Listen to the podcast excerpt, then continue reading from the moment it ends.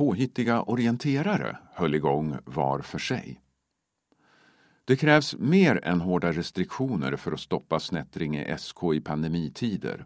När träningsmöjligheterna tillfälligt stoppades för ungdomar över 15 år satte två av orienteringsklubbens eldsjälar ihop 24 utmaningar för enskild träning.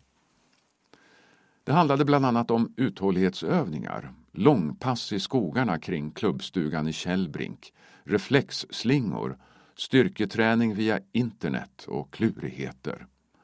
En utmaning gick ut på att springa i skogen så att det med hjälp av GPS-klocka bildades hjulmönster. Utmaningarna gick under namnet Pre-Christmas Exercise Development Challenge. Ju konstigare namn, desto större intresse. Skämt åsido, vi kände att vi behövde styra upp träningen på ett kul sätt, säger Robert Wallsten, orienterare och idrottslärare. Gensvaret blev större än väntat. Cirka 80 medlemmar från 12 till 60 år anmälde sig så fort inbjudan gick ut och ganska snart anslöt 20 till. Påhittigheten var stor, eller vad sägs om På spåret-varianten På stigen, mysteriet Jönssonsligans julstöt där det gällde att via en video lista ut vilka kontroller Robert Wallsten besökte och på så vis hitta rätt kod till kassaskåpet.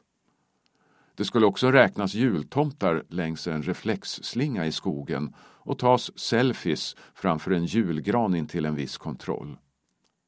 Övningarna kryddades med tips på leder och hemsidor med utskrivbara orienteringskartor. Jag höll till familjens förtret online-styrkepass i vardagsrummet. Det lät ganska mycket om mig, säger Kristina Aneland, både orienterare och orienteringsmamma. Och hon skrattar.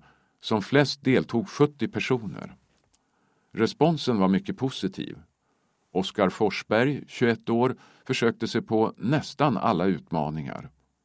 Jättebra idé eftersom vi inte fick träna tillsammans. Nu sågs vi ibland och lite på avstånd, gjorde samma saker och då kändes det som att vi var en del av något större. Bra för motivationen, säger han. Och det skrev Mikael Jeppe.